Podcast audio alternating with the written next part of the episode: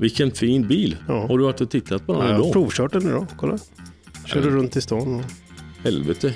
Men du, ska du köpa en, en Tesla Nej, eller? jag vet inte. Det är ganska nytt. Jag och dottern har skojat lite fram och tillbaka. Och, Ja, men och sälj men den skåpbilen. Ja, det, jag har ju skåpbil idag, men jag, be, jag behöver ju inte en skåpbil särskilt ofta. Nej. Det är ibland. Kan vi inte, eh, jag följer med i eftermiddag nu så åker vi och köper en Tesla. Det är skitkul. ja. Ja, Jag, det det jag gör är inte lika spontan som du, men, eh, men eh, vi kan ju kika lite grann närmare på det. Vi åker och tittar på, vi åker och köper en Tesla när vi har poddat klart. Ja, okej, okej. Jag hänger med. Ja, just det. Du lyssnar på Skog och Manges podcast Människan och bilder. Var är vi, var är vi någonstans nu, Mange? Idag är vi faktiskt hos min gamla polare Thomas som jag har känt sedan jag var 22 år gammal, så det är ju länge sedan. Ja. Thomas är ju, eh, jag skulle säga kanske att han är de, en av de bästa i Sverige på att skriva ut printar, fine art-printar. Just det. Och det är inte så många i Sverige som håller på med sånt här. Nej, På den här nivån. Nej, nej, och, och nu inte. snackar vi ju verkligen inte det att man köper en lite finare skrivare på Elgiganten eller något annat ställe och lite Nej. fotopapper och printar ut själv. Utan det här är något helt annat. detta är på riktigt kan man säga. Så att vi ska se, han, han var lite nervös innan och, och att han skulle vara med och köta faktiskt. Thomas, kom och köta med oss nu, vad ska du göra? Hej Thomas! Fan vad gött att se dig! Hej Mange! Underbart! Det var Ni- kul att vi fick komma hit och träffa dig. Absolut, Underbart. kul. Vad är det för Thomas, något? Det är en uh, dricka utan reklam, fast man syns inte i bilden då. Nej, nej, nej, det här är ingen fara. han döljer vad han dricker. Ja, det är bra. Men du, du Thomas, ta oss tillbaka i, i tiden lite grann. här. När du träffade Mange för första gången, var var det någonstans och i vilket sammanhang var det? Eh, jag jobbade på ett företag som heter Bildteamet uh, här i Halmstad. Och, eh, ja, jag jobbade på labbet där. Och det, sen kom Mange in där en vacker dag. Glad och pigg. Underbart. Och detta var, skulle jag gissa på, 1993. Ja, någonstans. Det kan nog stämma. Ja, det är länge sedan då. Det är ju, det är ju 30 år sedan exakt. Är Ju. det 30 år sedan? Fan, det här var deppigt. Det Ja, vilken Det är inledning. bara 30 Ja, man, ska, man ska det var- aldrig räkna på de här grejerna. Nej, inte vad hände nu egentligen? Men ni var ju så otroligt unga då. Ni stod Ja. ju där, eh, knappt tonåringar i fotolabbet där. Men du, men Thomas, är du en fotograf i grunden eller är du, började du rakt in i fotolabbet eller hur började det för dig? Alltså, nej, jag är inte fotograf. Jag, eh, alltså, jag har varit intresserad av bilder länge. Det var väl som för många andra. Min farsa hade lite sådär svartvitt labb hemma uppe i, ja, på övervåningen någonstans. Och, eh, man var intresserad av eh, bilder och foto. Eh, sen så var det väl en, en slump kan man väl säga. Jag, eh, det var så jag låg i lumpen 91 och då eh, så tog pengarna slut för eh, Försvarsmakten. Så vi blev hemskickade. Är det sant? Du borde aldrig göra lumpen för att du skulle... Jag gjorde lumpen, men alla som låg, eh, alla värnpliktiga det året blev hemskickade. I november tror jag det Jaha. Vad gjorde du då lumpen här i Halmstad? var. eller? I Halmstad, absolut. Så vad, vad, var vad var det för lumpengrej du gjorde då? Eh, soldat? det var ju några år sedan, så jag var kompa- kompanibefäl. Kompanibefäl? oj. Jädrar. Nu ställer sig Mange i vakter. Ja, det var, jag var malaj själv faktiskt. Fotomalaj. Fotomalaj på Ängelholms flygflottilj. Ja, men du blev hemskickad. Det var Ja, gött blev hemskickade och då hade ansökningen till eh, högskolan gått ut precis. eh, Så det, då fanns det ju liksom en, ett drygt halvår som man inte visste vad man skulle göra. Och sen så hade då eh, det här bildteamet eh, byggt en stor kåk rätt så nära där jag bodde. Så jag gick in där och eh, kollade eller frågade om de eh, behövde någon hjälp. Och de sa väl, alltså det fanns väl inte, de hade ingenting då. Jag vet inte om de hade anställt någon precis kanske. Men då, Luminita. Luminita, ja, vet, jag kommer inte ihåg om hon var där då. Ja, det var hon nog. Jag tror hon var där faktiskt. Ja, ja, ja. Eh, och så var det på ett par andra eh, som jobbade där eh, på labbsidan då. Men så, nej, så det blev inte med det. Men sen så ringde de någon eller ett par veckor senare och undrade om jag ville komma dit och testa. Och sådär då. Jaha. Eh, sen blev jag kvar där i tio år ungefär. Men du, hur, vad hade du för erfarenhet att jobba i labb då? Inte speciellt mycket. Men Framförallt har- inte färglabb, för jag Nej. jobbade med färg då. Ja. Eh, Bildteamet, alltså det var ju, dels var det reklam, industrifoto, det var ju där du Mange ja, jobbade. precis, precis, ja. Eh, och jag jobbade på labbdelen då. Då var Ja. det ett av några stycken proffslabb som fanns i, i Sverige då. Eh, Just det, just det. Detta är ju rätt intressant tycker jag. För eh, vi träffade ju för några veckor sedan Hasse Persson. Som är en minst sagt världsvan fotograf. Han jobbade ju på Jörgens foto då, någon gång på 60-talet. Och Jörgens foto är ju alltså Precis. grundaren till Ja, det kan man säga. Ja, precis. Jörgens, det kommer jag det. Ja. Det ja, precis. Eh, Och sen blir Jörgen- Jör- Jörgen, hans son Jesper som hade bildteamet då ja. Precis, så är det ju. Exakt, exakt. Och då kom du dit in och hur kändes det då? Jo, men det var ju spännande. Det var ju liksom, alltså det var ju på en helt annan nivå. Som sagt, jag har ju inte jobbat med det tidigare. Jag har varit intresserad. Ehm, så det var, ja, det var en ny värld. Och då var det industrihantering, alltså i stor skala eller? eller var det... Ja, alltså, fast, ja, Det var fast det blir inte så storskaligt är det ju inte egentligen. Men det är alltså, proffs. Ja, det är proffs. Ja, det är bara proffs. Alltså, det var ett proffslabb. Ehm, så det var ju inte så att det kom in någon med sin semesterrulle. Så. Nej, just det. Det Ehm, kom inte in mängder av rullar utan det var snarare Nej. kvalitet redan från Ja, början. alltså det var ju reklam, så här, reklamfotografer som eh, hade fotograferingar så skickades det då på den tiden in filmer. Det var ju lokala fotografer också visserligen, men, men det mesta skickades in. Eh, sen så jobbade de med det. Det var ju filmframkallning, E6, C41 för de som känner till det. Eh, och sen så var det då kopior som jag gjorde då i RA4-processen. Heter det, då. När det, det var från negativ till eh. Färgnegativ till färgförstoringar. Precis. Så jag har faktiskt, jag har aldrig jobbat egentligen speciellt, eller nej, jag har aldrig jobbat med svartvitt. De flesta börjar med svartvitt. Ja, har du inte, gjorde du inte det innan? Nej, eh, jag är inte speciellt bra på svartvit kopiering. Det var ju sådär, det var lite för enkelt för då har man ju sådana här ledljus, rött eller gult Mm. ljus man ser vad man gör. Ett färglabb så är det ju kolsvart, man ser inte ett skit. Så Nej. jag blev rätt bra på att lära sig hur många steg man går i ett mörkrum. Men Rakt fram och ja. sen höger, för det är ju liksom olika rum och sådär då. Så det är trist om man Men missar en sväng. det, där är ju rätt fascinerande. För, har jag tänkt på eh, hur det var på den tiden då. De som jobbade i färglabb. Om man tänker sig att det är en vinterdag så går du till jobbet när det är mörkt. Och sen går du in i labbet och så är det kolsvart hela dagarna. Och sen går du hem när det är mörkt. Du, du spenderade hur mycket tid som helst i mörker på den tiden. Ja, fast man är ju inte inne i den mörka delen hela, hela tiden. Så är det inte. Nej. Eh, Man är ute i dagsljus. Eller i, Lite grann också. Hur mycket Ja, men ganska mycket. Alltså, Man är inne i mörkrummet. När vi pratar om att göra bilder så är man inne i mörkrummet och exponerar och sådär. Sen så tar det några minuter innan eh, testremsor och, och så vidare blir framkallade och liksom, då står man inte inne i, i mörkret. Och, och, Hur var det på den tiden då?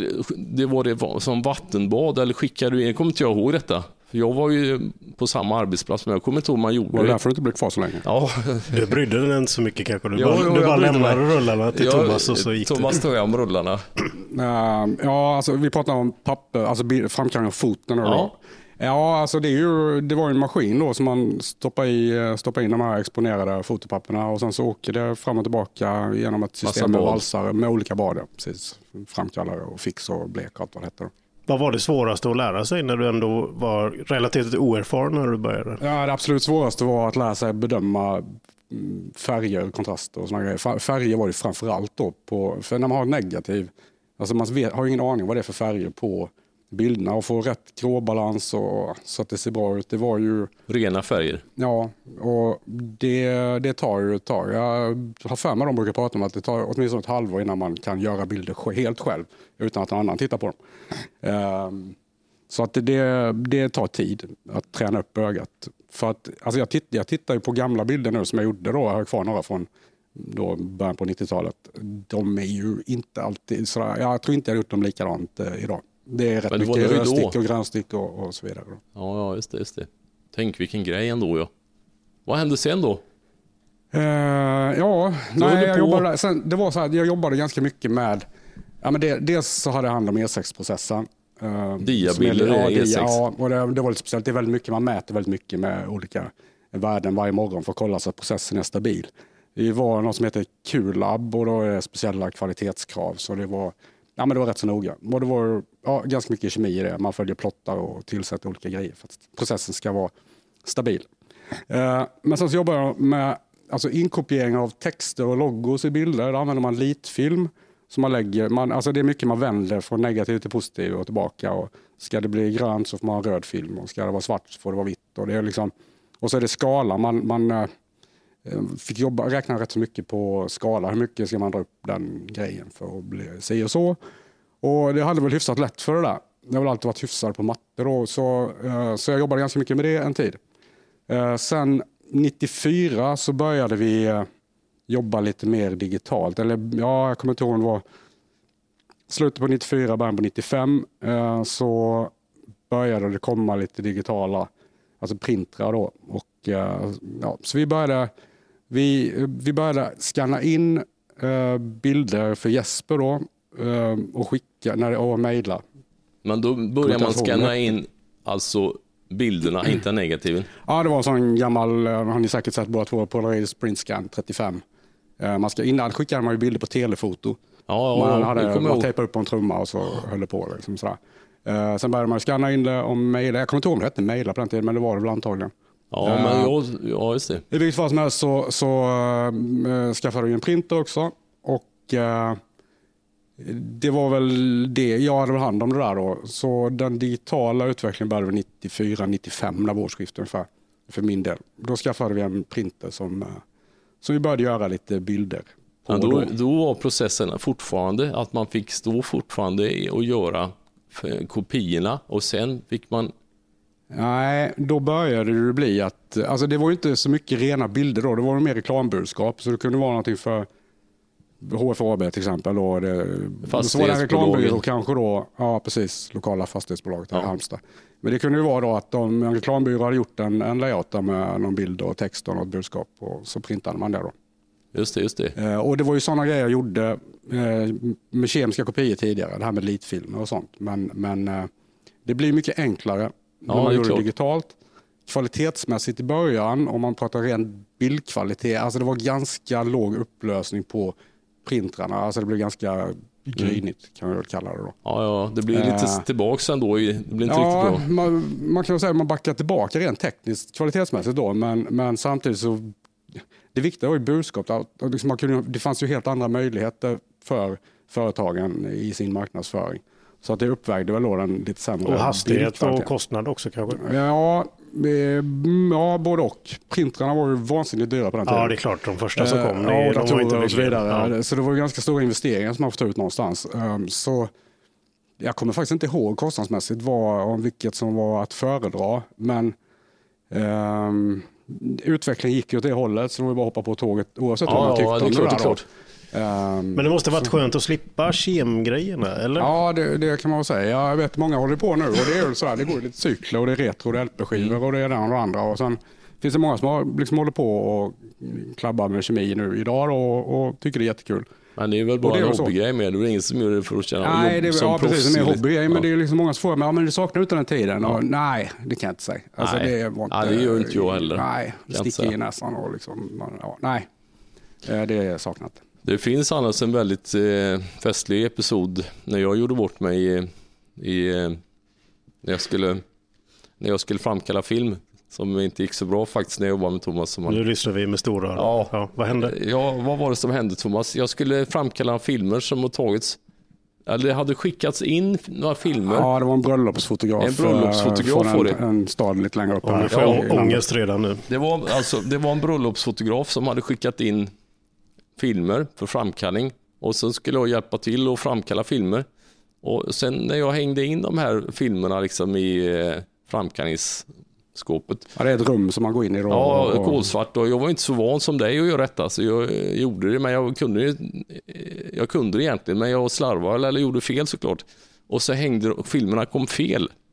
Så att det blev ingenting. Nej, oj. Men jag, alltså, våra, våra minnen går ju lite isär. Ja, du berättar din story. Berätta din story. Ja, Mange, du säger att du hängde du filmerna i fel bad. Att det var neggfilmer som du hängde i diaframkallaren i E6. Var det så då? Nej, alltså mitt minne av det var att du hade råkat tända eh, lampa, ljuset, Nej. belysningen i taket. Nej, nej, men det kan inte stämma. Ja, Det är ju ännu klantigare. Nej, men det kan Någon har gjort det i alla fall som har jobbat ja, men jag. det, inte, det har- gjorde inte jag. Nej. Det kan, ju, det kan ju inte vara Du säger möjligt. det? Ja. Jag vet att jag hängde, det kan vara så det var. Detta är ju länge sedan, men jag... Du hängde fel och tände lampan sen. Så se om det var rätt. Nu börjar det osa lite bråk Nej, här. du Det är lite gamla Nej, goda tider. är- Jag tyckte jag har fort, fortfarande hjärtklappning och detta. Och faktiskt, tänk tanken att jag pajade. Och, och jag tänker mer, Tänk, det hur, hur tog man emot detta? Hur- Ska vi Nej, inte stanna kvar här för länge? Men... Förvånansvärt bra faktiskt. Och det som jag såg det när jag gick till chefen och sa att eh, ursäkta men jag har gjort bort mig fullkomligt. Och det Du var inte kvar på kvällen sen Mange. Va? Du var inte kvar på kvällen sen. Nej, det- jag fattar ju att folk blir arga på mig och det, det kan jag förstå. Och framförallt om det är så att jag pajar liksom bröllopsbilder för någon. Som inte, det känns ju inte så jättebra faktiskt Nej, fortfarande. bröllop är kanske inte det bästa. Nej, det, nej jag blir svettig faktiskt pannan nu. Jag, jag blir helt svettig när jag tänker på det. Helvete. Ja, har du råkat ut för det här någon gång för länge sedan, skriv på Instagram så, Ja, men det så, var ju, så får Mange säga förlåt. en Ja, gång förlåt. till. Jag ber om ursäkt. Det var inte meningen, men det är fortfarande jobbigt faktiskt. Ja, skitsamma. Men Thomas då, var det bra? Vad hände sen då? När, det blev, när, när skrotade man färglabben? Eh, det vet jag faktiskt inte. Alltså jag jobbade där till 2001, tror jag det var. 2000 eller 2001. Eh, och då var ju labbet igång. Det hade ju gått ner i volym och sådär, men, men eh, det var ju igång, absolut. Ja. Jag- men vad hände jag får 2001? Så stå, slutade du där och så startade eget då? Ja, det är en lång historia, men eh, det mynnar ut i alla fall att jag slutade. Och, alltså egentligen var det så att jag hade tänkt att eh, söka mot reklambranschen. Jag hade pluggat på Bergs, RMI Bergs, eller Bergs School of Communication hette det nu för tiden. Eller hette redan då faktiskt. Ehm, och hade väl, för jag hade varit där tio år och liksom det var sådär, jag hamnade ju där av en slump. Det var liksom inte någon, en uttalad plan. Så jag, ja, men ja, ska jag göra något annat kanske jag får göra det snart. Ehm, så jag visste inte riktigt. Och, men det blev i alla fall att jag slutade och eh, eh, av olika anledningar så blev det att jag test, eller skulle starta eget. Jag skulle testa. Det var ganska många som var på mig och tyckte att eh, de ville att jag skulle fortsätta göra deras bilder och, och reklammaterial. Och, eh, och sen blev det, jag har funderat på det där, så kändes det som att jag måste nog testa, annars kommer jag bara fundera om 10 år eller 20 Ja, år. men det kan du inte ångra. Nej, nej, nej, absolut inte. Men, då, då, då börjar man i en liten skara, eller tänker du att nej, nu ska jag ha de stora maskinerna för att det är kvalitet det handlar om? Ja, eller? men alltså det, ja, hur liten skala som helst går inte. Alltså det blir ju lite grejer, man måste köpa lite prylar. Och det var väl fortfarande så på den tiden att det kostade väl mer. Eller det är inte så superbilligt idag heller. Sådär, men men, men alltså planen var att jag, jag Dels jag vill starta ett aktiebolag för jag vill inte hamna i någonting med en massa skulder som man inte kan ta sig ur om det skulle gå åt pepparn. Eh, aktiebolag, då var väl aktiekapitalet 100 000 tror jag var lägsta då. Så okej, okay, 100 000 är jag beredd att förlora. Det var mycket pengar men det, det går ju att överleva. Eh, så jag köpte in, alltså då, ja, man leasade en del maskiner, eller mycket av maskinerna. Sen fick man köpa en del, men jag hade ju en del på leasing. Jag tänkte jag kör ett halvår, gör en utvärdering, kör max ett år om det inte funkar. Uh, sen, men det rullade på rätt så friskt från början, så jag har inte riktigt egentligen gjort någon utvärdering ännu. Och nu är det 22 Ja, det är några år sedan nu. sedan. Men du, jag skulle säga att det var svårare ändå att göra det steget för 20 år sedan än, än idag. För det var väl inte, det, var, det var, måste varit dyrare att komma igång med all, Ja, all teknik med Ja, men det stämmer väl liksom. att det, det, det krävdes Det ju mer kapital. steg, ja. ja, det, absolut. Men sen så har det rullat på hur bra som helst. Nej, det går ju upp och ner det där. Alltså jag, jag jobb, alltså det var full fart i, i ganska många år i början. Sen, men jag jobbade ganska mycket med portabla displaysystem, alltså reklambudskap åt företag som skulle iväg på mässor och sådär. Eh, den biten blev lite, den började gå ner. Jag tror dels så, alltså det finns två orsaker skulle jag säga. Dels så eh, började det importeras ganska mycket. Det började printas eller tryckas, vad man vill kalla det, i eh, Baltikum, Kina, lite beroende på vad det var för volymer och sådär då. Men det började, sådär, alltså prisnivån började sjunka ganska drastiskt. Eh, sen började tryckeri, offset-tryckerierna, de var på dekis för dem, alltså det gick ju ner volymerna för dem och sen så var det betydligt bättre marginaler inom storformatsprint. Eh, så, Vad är det för något Ja, storformatsprint? det är väl det som är alltså stora printar, Stora, stora bilder som du gör mest. Eh, ja. Och de, då var det många där som, som investerade i printrar och började med eh, samma typ av grejer som jag håller på med. För att investeringen, även om det var mycket pengar, så ett tryckeri som var att investera i en 8-färgs Heidelberg offsetpress, alltså det var inga pengar, det var bara att köpa för dem. Och de, ja, när det kom in fler på marknaden så sjönk priserna på grund av det också. Sen klarade jag mig ganska hyfsat, för jag har velat jobba med eh, kvalitet och det är liksom kunder som har testat annat. Jag har aldrig, alltså jag har full respekt för att man har en budget och man, liksom, man, vill, inte, man vill lägga en, ett belopp på det man vill ha. Um, och det, då passar inte det här kanske för, eller mig, kanske inte passar för alla och det är inga problem. Så har jag kunder som beställer en del grejer på en del ställen och sen så kommer de till mig när de vill ha någonting som jag kan erbjuda. Och det där är jätteintressant tycker jag, nästan branschoberoende. För jag har funderat mycket på det med det har varit ja, några lite lugnare perioder så börjar man genast tänka, i alla fall jag då, ska jag sänka priset, ska jag göra enklare produktioner, ska jag bredda marknaden och så vidare. Men jag har alltid kommit fram till egentligen samma slutsats som du själv då, att nej, jag står för det här och det finns, det finns en, en, en prisnivå på det och i form av utrustning och allting sådär. Så att, ja, men det är ganska intressant att höra, fast eh, från ett annat perspektiv då. Att hela tiden jobba med kvalitet. Ja, alltså jag tror inte jag hade kunnat jobba, alltså nu menar jag inte jag att jag är bäst i hela världen på detta, för det finns ju många som är duktiga på det, men jag vet att jag måste kunna vara nöjd över det jag levererar. Sen finns det ju, man är inte nöjd över allt precis som man gör, men, men alltså skulle jag börja kompromissa, börja använda billigare material, inte vara så noga, få ut någon bild som är lite för mörk eller lite sådär som jag själv tycker. Sen har inte jag rätt i allt, men som jag tycker och jag skulle börja leverera ah, men det är good enough. Mm. Jag tror inte jag, alltså jag hade inte mått bra av det. Nej, så men jag hade det inte kunnat göra det. Och det Mm. kräver ju en viss eh, prisnivå. Nu låter det som att jag är jättedyr, det är inte riktigt så jag menar. Men det, det, man kan, jag kan inte börja kompromissa med massa grejer. Ja, men det är för väl att rätt kunna inställning. konkurrera. Visst, det är väl gött. Men om Ja. vi ställer frågan så här istället. Hur många i Sverige eh, jobbar med kvalitet på, på de här grejerna? Printing på, eh, på samma nivå som, Som du Ja, gör. Det, det är ju svårt att säga. Det finns ju många, alltså jag jobbar ju själv, det finns ju säkert ganska många som jobbar själv som är jätteduktiga. Kanske med samma bakgrund som jobbat på proffslabb tidigare.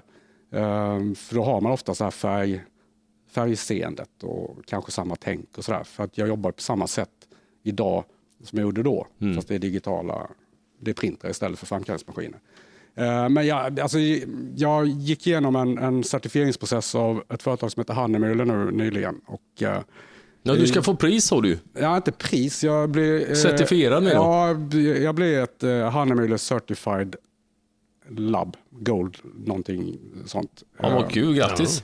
Tack så mycket. Underbart. Det måste vara en milstolpe. Ja, men det var lite roligt. Absolut. absolut. Ja, ja, men då är man bäst eh, helt enkelt om man får vara med där då. ja.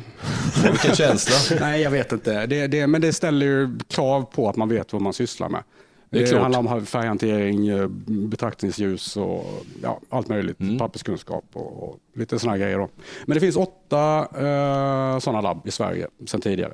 Så åtta, du är nummer nio. i- Ja, som jag har förstått det så ja, det är ju så. coolt ju. Ja, jo absolut. Vilken grej. Men det finns ju säkert fler som är duktiga skatter. Liksom. Nej, det nej, finns nej, det är klart, det är också klart. Då, men, Visst. men, men, visst, men det, det är inte så att det finns supermånga, det är det inte. Nej, Just det. underbart. Ska vi definiera vad, vad är fine art printing? Hur, om, med dina ord, vad, vad, är det, vad är det man menar då? I, i, Ja, för mig så, alltså fine art, alltså det får vara alltså syrafria papper framför allt. Ehm, det är väl det jag skulle säga, liksom att det, så att det tål, så att det inte börjar blekas och, och gulna och så vidare. De alltså man får bästa. använda, Materialvården då. ja det kan man väl säga, alltså det, det är syrafria, ofta lininfria eh, papper. Och eh, sen bläcksystemen, printrarna, så ska det vara bläck, alltså pigmenterade färger. Men där finns det ett antal olika eh, modeller av printrar som man kan använda. just det. Vad, vad är livslängden på, på någonting som du spottar ut, höll jag på sagt. Men, Eh, Det hade jag en diskussion med eh, några om idag. Det, det är lite, alltså man kan inte, de testas ju de här eh, eh, papperna, eller kombinationen bläck-papper. Och ofta är det, från 60 år säger de att det ska, det ska klara utan att man ska se någon, jag kan inte säga om det att man ska se, om det ska vara visuellt eller man ska kunna mäta fram en skillnad. Men det pratas om 60 år. Ja, Eh, är ju- ofta, ofta är det ju längre, 100 till 200 år är ganska vanligt att de, att de eh, Så man tror att det kommer hålla. Ja, men då pratar man om, alltså det här testas ju i eh, museibelysning. Jag vet inte om det är rätta ordet, men, men det är inte supermycket ljus. Det är, alltså belysningen på ett museum är ganska dämpad. Ja, ja, ja. Så att det Så är är den belysningen man mäter. Och testar. kontrollerad luftfuktighet och, och så vidare. Och så vidare Ja, det i är de det. flesta Så fall. Många kanske. sådana grejer påverkar också. Men jag själv har gjort tester tidigare där jag tejpat upp bilder i, i eh, takfönster och som exponeras för Solljus eh, då? Ja, för Ja. Solljus, dagsljus, solljus. Och då går det fortare.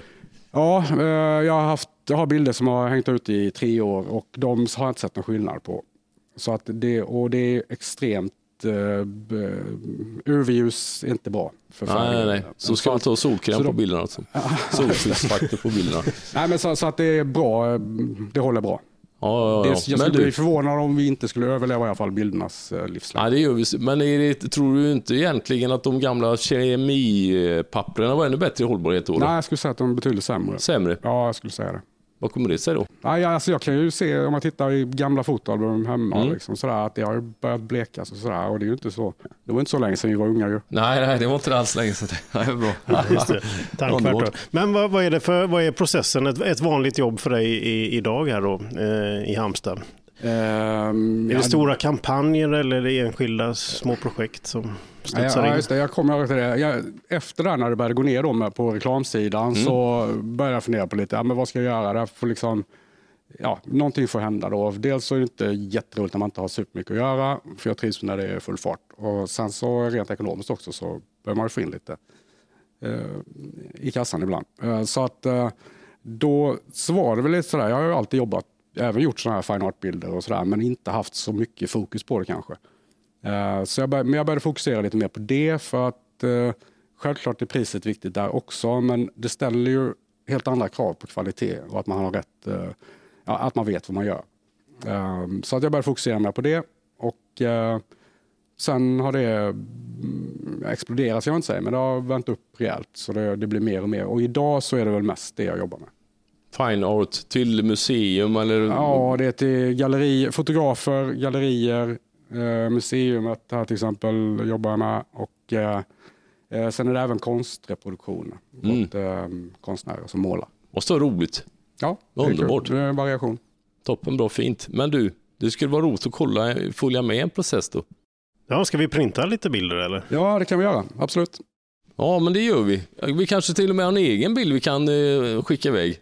Det, ja, det är klart vi har det. Ja, Ska, ska, nu, nu ska vi se, det blir lite spontant här, men om vi... ehm, Thomas, om vi skickar en bild till dig, Ja, kan inte du... Eh, får vi hänga med i hela processen då? absolut. Hur gör vi? Vi mailar en bild till dig eller ska vi göra? Eh, ja, alltså mejla, det beror lite på hur tung den är. Men, Ja, men det- är mejla eller skicka via WeTransfer. Du, eller en liknande. bild som jag tyckte var jävligt rolig, det var ju eh, när vi står i garaget. Ja, ja den, den tar vi. Det- Den tar vi. Den är jätterolig. Och, och då kan vi göra så här. ehm, vi kan väl nästan signa den där sen, eh, den bilden. och Ja, så vi kan gör låta, det som en fine art-bild ju. Det är ju skitbra ju. Visst, en Toppen. upplagebild. Hur många upplag, hur många, vad ska det bli för upplaga på bilden då? Är, är det en numrerad serie eller? en numrerad serie, det är Oj, Det är skitroligt. jättespännande. Men, men vad jag tänkte komma till är att vi måste ju signera det här och så låter vi ut det på något sätt Ja. på, på Instagram så att någon av lyssnarna, Man kan få en signerad fine ja, art om man vill ha alltså. Ja, det är väl ingen som vill ha det. Men, Det får vara högre upplaga då om ni är med. Ja, alla, som, alla som lyssnar. Som Ja, många. nej, men det får bli en lycklig vinnare på något Ja, sätt. en- jag, vi- jag tänker så här, Ja. eh, att den som delar det här inlägget på Instagram Mest eller. Facebook på det bästa sättet. Och Ja, då ja, får det är ju och du vara jury här. Så nu är det en uppmaning till dig som lyssnar att vara lite klurig när du skriver och delar där. Men vi kommer titta på alla som har delat det här avsnittet på sociala medier och den som vi tycker är bäst vinner Ja, då kan man få en bild. Fine art. Underbart. Print. Vad var upplagan sa vi då? Ja, men kör du tre? Vi kanske vill ha varsin eh, Tre? själva. Ska vi inte ha varsin också? Ja, det är kul. Vill du ha en bild på... Nej, det tror jag inte. Ja, men du, ja, men gör det. Du borde ha en bild här. På, du har ju lite bilder på väggarna här faktiskt. Ska, har ni mejlat bilderna? Då? Vi tar en paus. Paus. Ställ en fråga till Skog och Mange. Hör av dig på Instagram. Ingen TV utan Mange. Eller The Real Skog. Har du fått bilden Thomas? Ja, här har den dykt upp. Underbart. Då ska vi kolla. Om du har en bild här nu, vad händer sen då? Uh, ja, men då börjar vi öppna den och se hur det ser ut. Och eh, då så ser jag att den är uh, taggad med en färgprofil som heter sRGB. Det här var intressant ja. Ja. sRGB. Annars är det väl bara RGB då? Varför? Ja, men RGB eh, är, alltså det finns en massa olika definitioner på, eller färgrymder. Det RGB-färgrymder som är olika stora och sådär då. Så att, eh, Berätta mer. Det här var ju jättespännande. eh, ja. nej, Varje, det är väl- har varje, bild, varje bild som tas har olika... Nej, men alltså, gör man det rätt så definierar man färgrymden. En systemkamera kan du oftast välja om du ska fotografera i sRGB då, till exempel, eller Adobe RGB. Kanske Pro, Foto RGB. Alltså det finns en massa Ja. olika. Jag har inte hundra koll på vilka som finns. Men jag kan väl säga så mycket att det bästa eller vanligaste det bästa för eh, när man ska printa är att använda Adobe RGB. Jag ska säga att när man fotograferar bör man väl oftast använda Adobe RGB för att sRGB är en mindre färgrymd som, är, som fyller sin funktion men det är ofta bäst att redigera och ha bilderna i en, en stor färgrymd så man kan få ut alla nyanser och färger. Ja, som men om man plåtar i, i rå, Ja. är det samma sak som att man väljer färg? Eh, Eller- Nu är jag inte tekniskt hemma superbra på där kamerorna och hur och vad, men jag tror jag skulle säga att man ställer färgrymd och, eller utöver det, alltså du kan fotografera i RAW-format Ja. och sRGB ändå. Så att det är lite, man ska nog kolla det där. Så Ja, det var eh, intressant. Har du koll på det? Ja, jag tycker det är väldigt svårigt och klurigt. Ja, jag har känner till det lite grann, fast mer, ja, fast mer på filmsidan då. Då är det lite andra gammakurvor och sådär. Rec 709 till exempel. Och, som är också då limiterad eh, färgrymd så att säga för, eh, för spridning. Så att vi får nog ha ett tekniskt avsnitt Det kring var det en annan vi kan gång. men- alltid skylla. Det är Daniel Stenholm har tagit bilden. Ja, just det. Det är han inte vi som har tagit är en bilden. eh, oerhört bra gubbe. Han som, vad kallar man landslaget till segling? Seglingslandslaget, det är ju hans, eh, det håller han på med, Daniel. Och så tog han bilder på oss. Men, Men då kan vi ut honom. Vad sa du? Ja, men det ut honom att han inte... Han, Ja, just det. Men, men vad innebär det för, för det här lilla printprojektet då, Nej, Thomas? men alltså det här, nu, nu spelar han ner, jag skojade. Det, för att det är ju, alltså man använder, om vi ska fortsätta bara avsluta det där med sRGB, så Ja. är det så att man använder sRGB för webben. Så att om den här är tänkt för att den ska, att den ska användas på webben från början så kanske det var rätt. ja. Eh, Men det är en lite mindre färgrymd än vad man kan använda när man printar. Så att eh, vad jag gör nu är att jag får konvertera den Du konverterar. Adobe RGB. Och eh, om man lyssnar på det här så kanske man tror att ja, men det finns något som heter stor RGB-färgrymd eller något liknande. Det finns en del RGB-färgrymder som är superstora. Det är inte alltid det är så jättebra att använda det heller för då måste man dra ner, komprimera den till det printbara omfånget. Och är det skiljer sig för mycket mellan dem så inte det heller bra. Men det där som, som ni sa, det, det finns mycket att prata om det där. Det, det finns en anledning till att det finns experter som Ja, jobbar det är med bra. Men nu är ju bilden svartvit här, men Ja, den är svartvit. Då, då, Då- då, då spelar det det inte så- färgrymden. det var ju inte... Det var en hel kvart om det det. Ja, ja. Men det kan ju vara värt att kontrollera den ändå, med, för den kan ju fortfarande vara i färgläge. Kanske. Absolut, absolut. Då håller jag Precis. micken där till dig Thomas, så kan du bara... Nu ska vi titta, om jag bara tittar lite snabbt på den Mm. här bilden så var det väldigt, väldigt eh, vackert motiv. I mitt garage är det. Eh, Det är i ditt garage. Ja, det är ganska stökigt. Hade inte du en formelbil i taket? Ju den- Ja, det är det den som hänger Nej, det är det är en gammal... eh, Det är min första leksaksbil som Jaha, jag hade när jag okej. fick när jag var liten. Faktiskt, Okej. den är kul. Jag hade en racerbil, men den har jag inte kvar faktiskt. Nej, det var synd. Eh, man kan gå in i något som heter nivåer och då får man en, en grafisk presentation men nu är vi olika... bara i Photoshop helt enkelt. I Photoshop, är vi Ja. ja. precis. Och då kan man se att det finns information ända från eh, svart, helt svart till helt vitt till exempel. Det är en bra början i normala fall. För det kan ju finnas bilder där man inte har någonting helt vitt eller helt svart. Och sådär. Vad jag tycker om den här bilden är att det är lite låg kontrast i... Den ser ganska grådaskig Ja, ut. den, precis, precis. Så då, om vi gör det här lite snabbt och lätt så hade jag väl gått in och kanske försökt få upp kontrasten en aning i... Det svarta eh, blir svartare och det vita blir vitare. Ja, det kan man säga. Precis. Och sen kan man ju då välja var i bilden, eller vilken del av bilden, är det ljusa eller det mörka, som man vill ha eh, högre eller lägre kontrast. Vilken, vilken bra bild det här är. Underbart ju. Och är man nyfiken på hur det ser ut här så tar vi lite bilder till Ja, ja, Insta det blir hur bra som helst det. Sen är det här ju då en grej, en normal process, så då kanske ha en dialog med fotografen för att veta vad vill man. För att nu kan man kan ju göra den här ännu mörkare i eh, skuggpartierna. Om man vill ha en, en, det är ju ett annat intryck, bilden. Alltså Ja. man vill ju, det, och det är ju upp till fotografen vad han vill förmedla med bilden. Så att det, Men det du- där får man ha en dialog runt. Hur, om det är så att bilderna, kom, om du kommer hit en fotograf med bilderna, hur ofta är det, är de inte ofta liksom klara för print då? Eller brukar du sitta och ändra dem då? Eller? Eh, det varierar ganska mycket.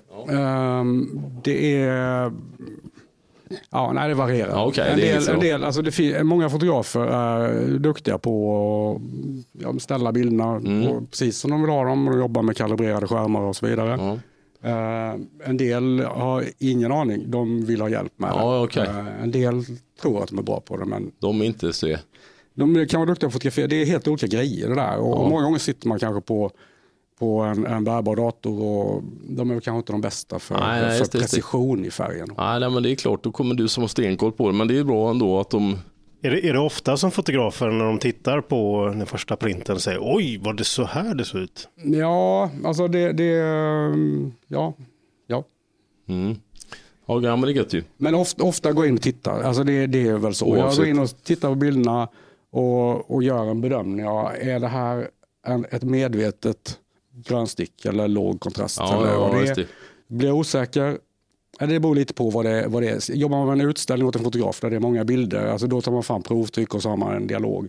Och då försöker jag lyssna av från början vad det är de vill förmedla och försöker lyssna lite mellan raderna om de, hur de jobbar. Då kan jag göra en bedömning därifrån om jag ska gå in och peta i grejerna. Om det är så att du säger, jag tyckte att det var lite grönstick i bilden. Säger du det? Och så blir de arga då? Ja, det är sällan de blir arga. Men, men, Nej, det är inte alls det. säger du det? Så, men, men, men jag har ju jobbat med den här bilden. Jaha, när gjorde? Nej, men Jag satt på en bänk i Barcelona med min laptop och, och, Ja. och, och det är klart då var inte förutsättningarna kanske så bra tänker jag. Nej. Men, det. nej, men de flesta uppskattar det. Mm. Ja, ja, ja, visst, visst. Man Ja, ska inte det- ta det som personlig kritik helt Nej, enkelt. absolut För då är inte, det ett tränat inte. öga med Ja, ja, det är kalibrerade skärmar Det är, och nej, men det är ingen som har bättre tittar på koll det. på det än du, så det är Det- väl ett bra. Ett bra. Alltså målsättningen är att få ut en, så bra, eller en bild som är som fotografen önskar. Ehm, Så att eh, det brukar uppskattas att man Ja, ja, det är klart, det är ställer ju. frågor. Ja, men då har vi ett, ett, kommit en liten bit på vägen. Det här ser Precis. bra ut tycker jag. Absolut. Vilken storlek tänker ni att det ska vara Ja, på de här? jag tyckte en eh, 1824 eller något sånt där. Någonting sånt blir ju jättebra. Uh, du, du. Okej, den blir 16 gånger 24 i sånt fall. Ja. Om vi inte ska beskära den. Man kan skära bort lysrören där i taket. De är ju rätt fula. De skulle vi kunna ta bort egentligen. Ja. Hur är det med upplösning Thomas? För det, man kan ju plåta bilder med allt ifrån en mobiltelefon till en, eh, en fin Hasselblad. Där. Hur, hur, ja, det är klart att det påverkar slutresultatet när man printar det, men hur Ja. ser du på det? Nej, men alltså det, det är faktiskt en bra fråga. För jag får in, alltså, man, jag har gjort tester och jag skulle säga att eh, om man ligger på 150-180 ppi i den eh, storleken som man önskar bilden så är det aldrig några problem. Um, oftast är det inga problem ner till någonstans runt 100 ppi, knappt kanske 90 Och då med en telefonbild pratar du nu eller? Ja, men oavsett. Alltså, en, en någorlunda modern mobil, alltså upplösningen räcker till. Upp Att till göra. 70 gånger 100 drygt centimeter. Så det går att göra stora bilder. Det är coolt. Från. Men sen är det ju andra aspekter. Alltså det är en väldigt liten eh, sensor och sådär. Så att, eh, Ja, det går inte att jämföra med Hasselblad egentligen. Nej, det, det är, just- detaljkvaliteten eh, brister ju lite där då. Men i dagsljus så blir det förvånansvärt bra skulle jag säga. Men det, det är klart, plåtar man med en mellanformatsdigital, alltså det blir ju bättre. Det, Just det. visst, Den tekniska kvaliteten, själva filen är helt okej, men det optiska och sensors storlek och så vidare är en eh, utmaning helt enkelt. Exakt, exakt. Men se- sen, det är klart nu blir det väl en mer fråga som inte har med det här att göra egentligen. Men, men idag så är det väl, tycker jag, alltså det är bättre att man har med en, en ehm, kamera, en mobil och tar bilden än att man håller på och liksom. eh, Exakt jo. Det är ju sånt jag tänker Ja men det själv. där har vi liksom. pratat om innan. Det. det. tycker jag är nummer ett. Det är bättre att ta bilden än att tänka nej vad fan jag skulle haft en Hasselblad. Det är bättre Ja, att bilden alltså- är tagen. Precis, jag har ju köpt liksom, när man har kamera och man sådär, blir inspirerad ibland och tänker ja men nu ska jag börja plåta igen. Och, sådär. och sen har man aldrig med sig kameran. Så det blir liksom, Nej. det Ja, blir, men det är ändå det blir positivt. inte av. Liksom, Ja så. det är intressant. Men det här blir en bra besk- beskrivning. Eller ska vi ha Ja, en lite vi- mer eh, på sidan då? Alltså om det ska vara precis, för det här är en sån diskussion som man har ofta med fotografer och konstnärer. Då, när man säger vilken storlek ska det vara? Ska det vara exakt den storleken eller spelar det ingen roll? Hänger ofta ihop med hur man ska rama. Nu kanske inte man ska ramas då, men om vi pratar om större Jo, måste bilder då. ramas. Ja, men, men om man pratar om större, Ja. större bilder så, så är det, går man till en ramverkstad så bygger de i ramen precis i den storleken man önskar. Ibland vill man anpassa det för att passa i eh, Konsumentramar, standardstorlek. Ja, standardstorlekar. Det finns ju bra sådana också då. Och det finns billiga på, ja, överallt. Eh, och då behöver man förhålla sig kanske till eh, fasta storlekar. Och då, det är en sån grej som, som en del kanske inte tänker. Jag jobbar ju lite åt privatkunder också, eller konsument.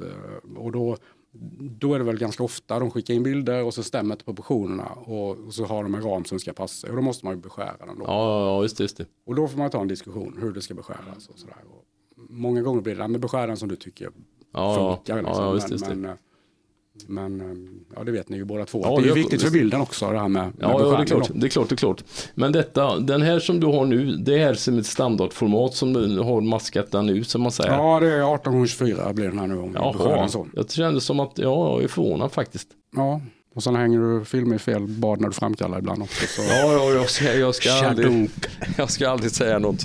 Jag har, ligger alltid på minus Ja, nej, jag skojar bara. Men vi, vi kollar. Eh, så här skulle det bli då. Jag vet inte om vi ska ha med lite mer till höger Ja, kanske. jag tyckte den blev, jag gillar den inte alls faktiskt. Jag skulle, ha jag gillar den jättemycket. ja, men jag, skulle ha jag skulle vilja beskära mycket mer i taket och ha mer på sidorna. Mycket mer panoramautsnitt.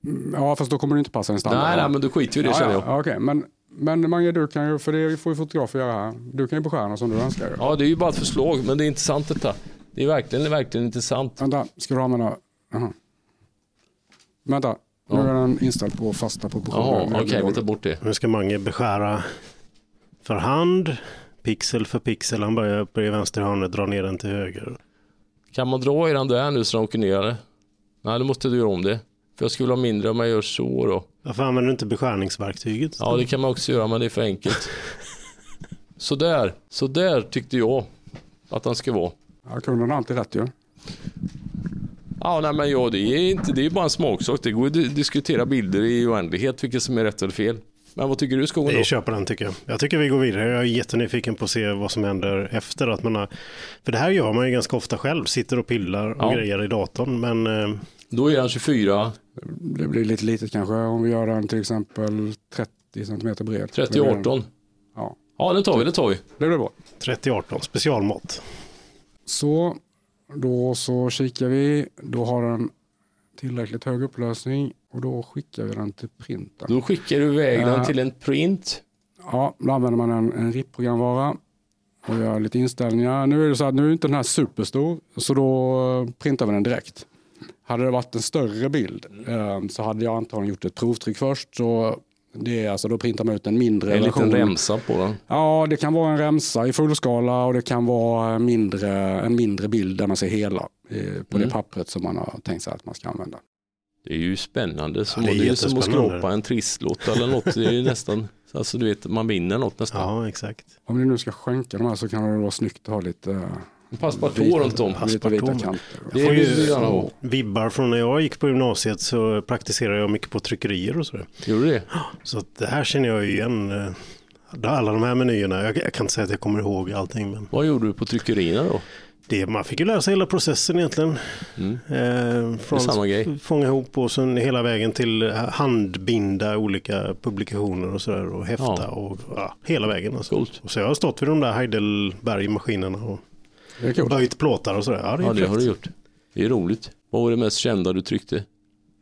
det mest kända jag någonsin har tryckt är nog tidskriften vad heter den? Offside heter den. Fotbollstidskriften Offside. den finns Tryck, väl? Trycktes i alla fall då nere i Laholm.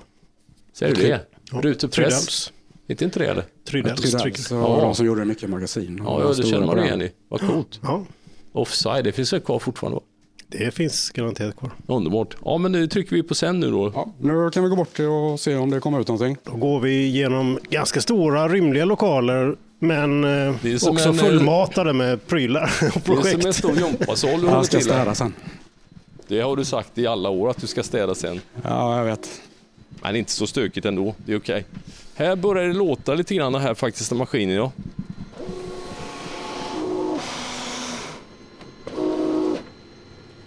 Och bara för att göra det lite visuellt, vad ska vi säga, hur, hur bred är den här printen? Den är kanske är tre, i alla fall, två och en eh, halv, tre meter? Den är tre meter lång. Den är kanske 1,50 hög. Och det är en, en sån där, vad kallas den där patronen som åker fram och tillbaka och skriver då? Pappersremsan som, hur lång är en sån här pappersremsa egentligen då? Ja, det här pappret är 44 tum, det är 111 centimeter cirka. Men det, jag kan printa, den bredaste, de bredaste är 64 tum. Det är 162, komma någonting centimeter. I bredd och I sen bredd, längd. Ja, sen är det på rulle, så längden är ju Oändlig. teoretiskt, ja precis. Rullarna är 15 meter långa. Men, men, 15 eh, meter långa? Ja, de, den, eller ja, 12 till 15 meter brukar de vara. Okej, men då går vi vidare nu. Vad ska du hitta här? Ja, du skulle bara ha en dricka. Ja, Okej, ja, ja. ja men det, det blir lite torr i mun när du... Okej, men hur lång tid tar det att printa den här nu, en sån här egentligen då? Oj, oj. Eh, en sån här lite mindre print, där kan man väl säga tar nästan längre tid för maskinen att kalibrera sig än, än att printa den då. Ja, okej. Eh, jag kommer ihåg när jag började då, 94-95, då Ja. vet jag det tog 45 minuter ungefär att printa en 70 x 100 affisch. Jag kommer ihåg. 45 minuter. Ja, idag skulle jag säga att det tar kanske, ja, beroende på vilken upplösning man väljer, så där, men 5, 7, 8 minuter någonstans där. Oj, Så det går ju betydligt snabbare då. du sparar hur mycket tid som helst ju. Ja, precis. Men du, om, var det bättre förr på det viset? När du, när du eh, jobbade på 90-talet och väntade, då hade du 45 minuter ledigt så du inte kunde göra någonting på, bara stod och vänta. Ja, då gick man och fikade.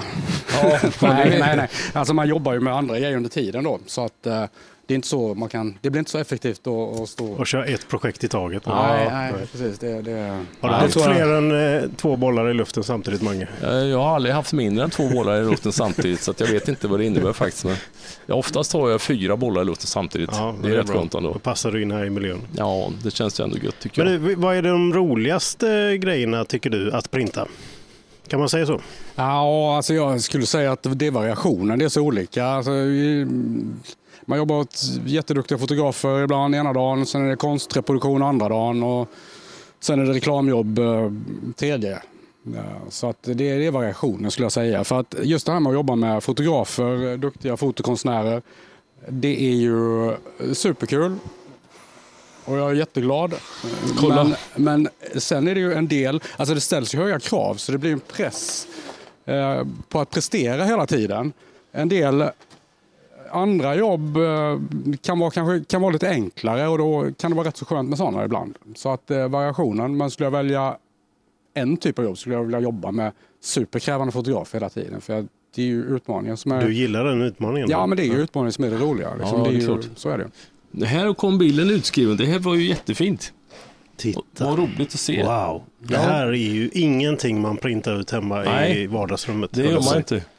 Sen är det så här nu när vi tittar på bilden, alltså nu är det ju, nu har inte vi diskuterat här så mycket hur ni vill ha den. Om den ska vara mjukare, om den inte ska vara så svart, Mm. om det ska vara mer... Alltså, så det, det där är ju som sagt en jag- grej som man... ja, man visst. Nej, jag förstår. Nej, men det här gillar jag faktiskt. Det, ja, det finns ingen anledning att ljusa upp mer. eh, ja, Det är ju gött när det är, svärtan finns det tycker jag Ja, verkligen. verkligen. Jag gillar det. Och alla tonerna i det, i det, i det mörka. Att det, det är stor skillnad mellan alla nivåerna där. Så att, Det ser ganska stökigt ut. ja, du borde städa lite. Men du, du gillar, du, gillar du att jobba med krångliga människor alltså? Nej, alltså det är väl inget jag söker. men, men, men, nej, men det är väl alltså... Jag gillar att jobba med duktiga människor. Folk som och- vet vad de vill ha Ja. och Och, och konstnärer, alltså fotografer, alltså det är ju... Ofta är, det, är de kanske duktiga på sin konst och det de gör. Kanske inte alltid så duktiga rent tekniskt på det de gör. Och då gäller det ju... Ja, det måste vara gött. då. ja, men alltså då får Vägleda man, dem där. Ja, vägleda och liksom lyssna och försöka Ja. sätta sig in i vad de vill förmedla med bilderna och sådär. Ja, det här blir ju jättefint. Är, det här är ett papper från ett bruk som heter Canson, ett franskt, franskt bruk som, är, eh, som jag jobbar mycket med också. Mm. Och de har också en sån här certifieringsprocess. Så det, jag tror att jag blev godkänd i deras... eh, jag hade en Mm. Utvärdering för ett tag sedan då. Men de, de har inte skickat någonting ännu, men, men det kommer väl Men förhoppningsvis. det där kan man väl nörda ner sig i hur mycket som helst. Papperskvaliteter. Ja, jag är Mm. pappersnörd. Jag gillar papper. Ja, det Den tror jag det. taktila känslan liksom, man känner på papper. Ja. Är, är du som en whiskykännare som om du skulle, skulle du klara ditt blindtest? Ja, Liksom om du bara känner med på fingrarna. doften. Och, ja, Men du mer är, whisky då än du än är papper, en whiskykännare i alla fall. Det vet ju jag om faktiskt. Det är ju, Jag ska ta fram ett papper som ni ska få känna på, som jag älskar. Här har vi ett papper från Hanemüller som heter Footrag Ultra Smooth. ja, okej. När man känner så här med fingertopparna. Känn. Oj, oj, oj. Ja. Det här liksom Är det är, papper? är, Det känns är- nästan det- som läder typ. Ja, det är en väldigt skön Ja. känsla i det. Fantastiskt. Vilken grej. Ja, så det, det, var det är ett jättebra papper. Ja. Och, och det, blir, det är ett av de papperna som, blir, som kan ge djupa svärta av, Ja. de, av de matta papperna. Ja, det är väldigt Sen kan man vackert. säga att det är ganska känsligt när man gör Den här bilden här till exempel. En kvinna som...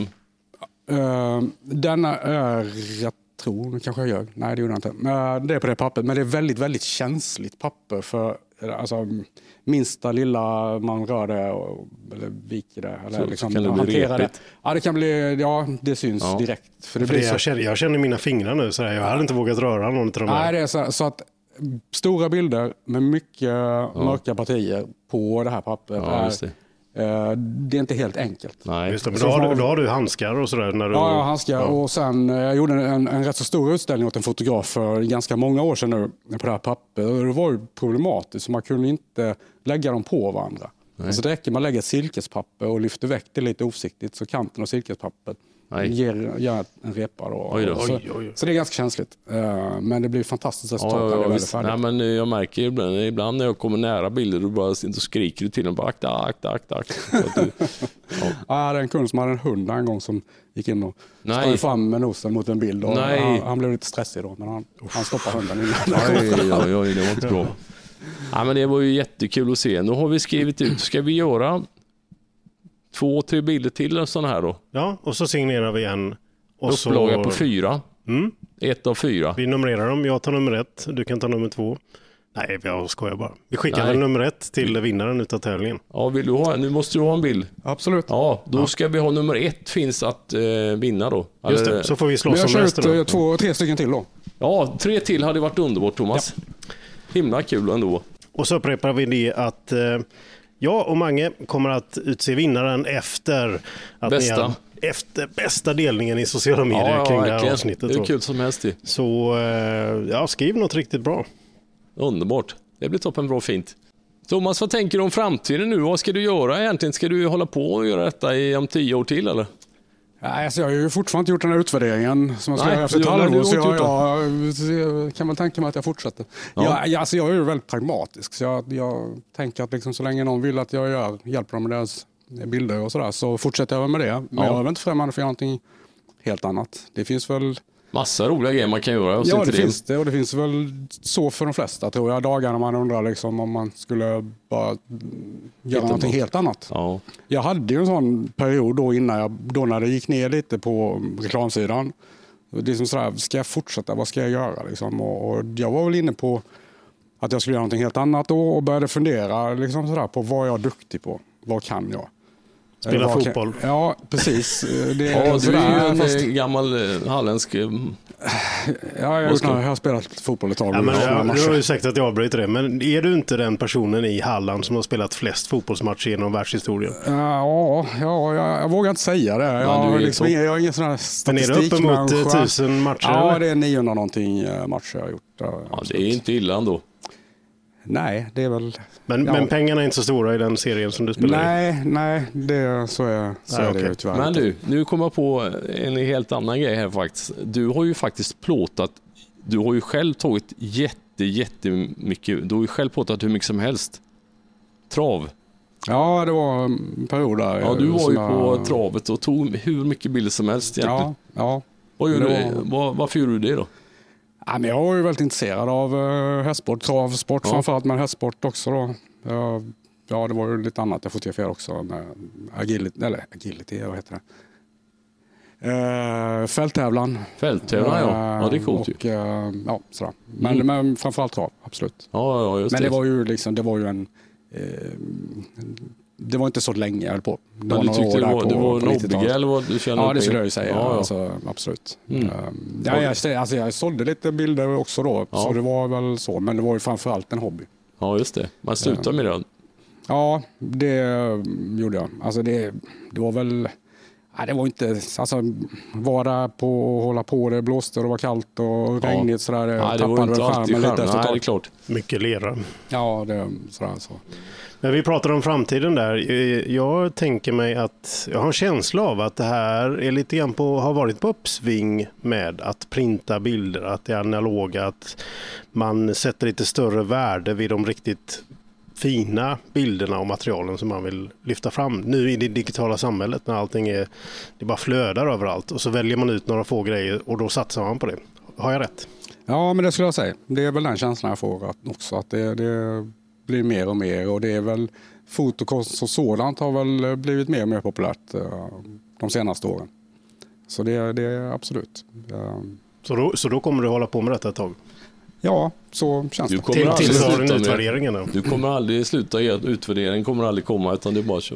Ja, men så är, det, så är det säkert. Men vad jag skulle säga då när jag gjorde den här utvärderingen, när jag Ja. funderade på vad jag skulle då, alltså jag kom ju fram, jag landade hela tiden att ja, men alltså jag jobbar ju ungefär med det som jag är bäst på. Så det blev ju då att jag, jag satsade mer på det här med fotokonst, konstreproduktioner Mm. då istället, där det ställdes lite högre krav. Så, så det var väl det. Vad fint det blev med printarna. Jag, tycker det, jag är helnöjd faktiskt. Fan vad duktig du är Thomas, det måste jag ändå säga. Vad du kan. Ja, Ja, det blir jättesnyggt. tack. Pappret är ju magiskt. Men det, det, det kvarstår ju lite grann. Här. Man kan inte bara göra så här. Men du gör, vad gör du sen? Ramar du in och alltihopa med Thomas? Nej, jag ramar inte in. Jag samarbetar med ett par ramfirmor här och sådär. Så att eh, man kan komma hit och få det hämta det färdigt här då. Men jag själv ramar inte bilderna då. Det finns men, men vad gäller de här nu, nu är det ju egentligen bara kvar att skära ner dem då till eh, rätt format. Då. Ja, att, eh, och så signerar det vi dem nu bara då. Ja, just det. Ha, är det någon speciell penna eller hur gör man det då? När man signerar Ja, det? ja, det är lite beroende på det för, för papper då. Men, Ja, det. eh, Vad skulle men, du eh, rekommendera till den här då? Ja, en svart penna. En En svart. penna. Ja, kolla här, kommer, här kommer Anders in. Tjena, Anders, tjena. Anders Källström. Du, ta, ta en mick där Anders. Kolla nu ramlade du rakt in i en podd. Anders. Källström. Ja, gött med fika Thomas. Jaha. Han har med sig Okej. bullar och och vilken succé. Fan vad roligt att se. Ja, Anders Källström, du är en eh, fotograf kan man kalla dig. Ja, det kan man Vad faktiskt. gör du för någonting då? Nej, jag tar foto med en kamera. Ja, underbart. Ja, Eh, men det här var mm. ju kul för jag- det här måste vi, vi måste ju träffa Anders själva ändå. Ja, det, det är givetvis. Men Thomas, nu blir jag nyfiken här. Hur känner du när Anders springer in genom dörren här? Är han en av de där krävande fotograferna som man får jobba lite med? Eller, eller vad, vad, vad, vad? Nej, det blir dålig stämning här. Eh, ja, nej, men Anders är ju krävande, absolut. Eh, Ja. Sen är han ganska duktig, alltså han är ju jätteduktig fotograf, men, men han är ju ganska duktig tekniskt också, så det brukar sällan vara så mycket Oh, att korrigera hans bilder. Ja, han, eh, trevligt. Han, Men Anders han vill inte tro det i alla eh, fall. vad ska vi kalla det? Reklamfotograf? Ja, alltså det, det är olika. Ja, man kallar sig för olika Ja. lite då och då. Jag har kallat mig reklamfot ganska länge, men jag känner att, ja men fotograf. Fotograf? Ja, Ja. men absolut, jag har jobbat med reklam i 25 Jag år. tänker, Liksom. nej, ja, för vi har ju känt varandra ju också jätte, jätte, jättelänge. Och när jag tänker faktiskt på de senaste bilderna som du har tagit med Gyllene Tider. De är ju rätt roliga minst sagt. Ja, absolut. Det är ju Har du inte de liggande här Thomas, de där printrarna? Eller? det är Ja, det faktiskt var det du är skulle hämta. Det är därför jag är Är här. det därför du är här? Nej, du Ja, det? de ligger Ja, här. men Fan, vad visat. Ja, nej, men det här är ju en... eh, Det är ju, det är ju gammalt. Eh, gamla bilder. Eh, Här som, är ju bilden, eh, här är ju mm, bilden nu. jajamän. Kolla, här är bilden. Så Precis. vad lustigt att Ja, du kom in och så, ja, vilken ja. rolig grej. Precis. Nej, den skulle vara klar nu så jag kände att eh, det var dags att hämta den för den ska vidare. Detta är alltså en kontaktkarta på Gyllene Tider 1996 då, Precis. som har printats hela kontaktkartan. Ja. Så att jag tänkte, alltså gör något lite kul, eh, något annorlunda. Så ja, vi gjorde liksom ett, ja, du vet ju själv när man, eller där man eh, valde ut bilder, man Ja, ritar, visst. klabbar på dem hur man ska göra. Ja, det var ju roligt Ja, ändå. så Ja. tänkte jag att, ja men det drar vi upp. Vad kul. Så att det blir lite en annan, eh, Detta är alltså en upplaga på den här. det är Är, bara 25 stycken. Den här är nummer fyra utav 25 den här bilden. Då. Precis. Ja, just det. Och det kan jag berätta om det här pappret då, eftersom det är gamla, lite äldre bilder då. Negg så använder vi ett papper från Canson som heter Platine Fiber Rag som är ett fantastiskt papper när man vill ha den här gamla känslan. Ja. Det är gjort för att det ska likna... Old school. Ja men du vet, Ja, typ, Silver man får Surfer. till mörkrummet och gjort det liksom. Ilford. eh, Ja, no, ja precis. Ja, no, något sånt faktiskt. Ja, vad kul ändå. Nej, men vi, eh, ja, vi, vi, det är ingen idé. Jag tycker inte vi ska prata vidare med Anders nästan nu. Nej, det blev ett för långt avsnitt så vi kommer tillbaka. Ja, men vi måste... Ja, jag vi- kan backa ur igen om du vill. Nej, men det var kul. Det var en jävla slump att du att kom se in. här. Ja, precis. Underbart, men ja. då måste vi helt Du har inte sagt något Thomas om det här heller. Ja, han har tjatat en timma nu. Jo, men jag tänkte att jag skulle komma in och störa, utan jag skulle bara ha min bild. Men det var kul att ni Ja, var vilken här. succé. Ja. Men vi återkommer med ett eh, helt eget avsnitt av Anders Ni är välkomna. Just det, då kommer vi prata om fler bilder och fler printar. Se till att dela den här podden nu och vinn en jättefin, fin bild på Underbart. Skog och Mange. Kram, kram. Hej då! Hej då. Du har lyssnat på Skog och Manges podcast Människan och bilder. Hör av dig på Instagram. Ingen tv utan Mange och The Real Skog. Vi hörs snart igen.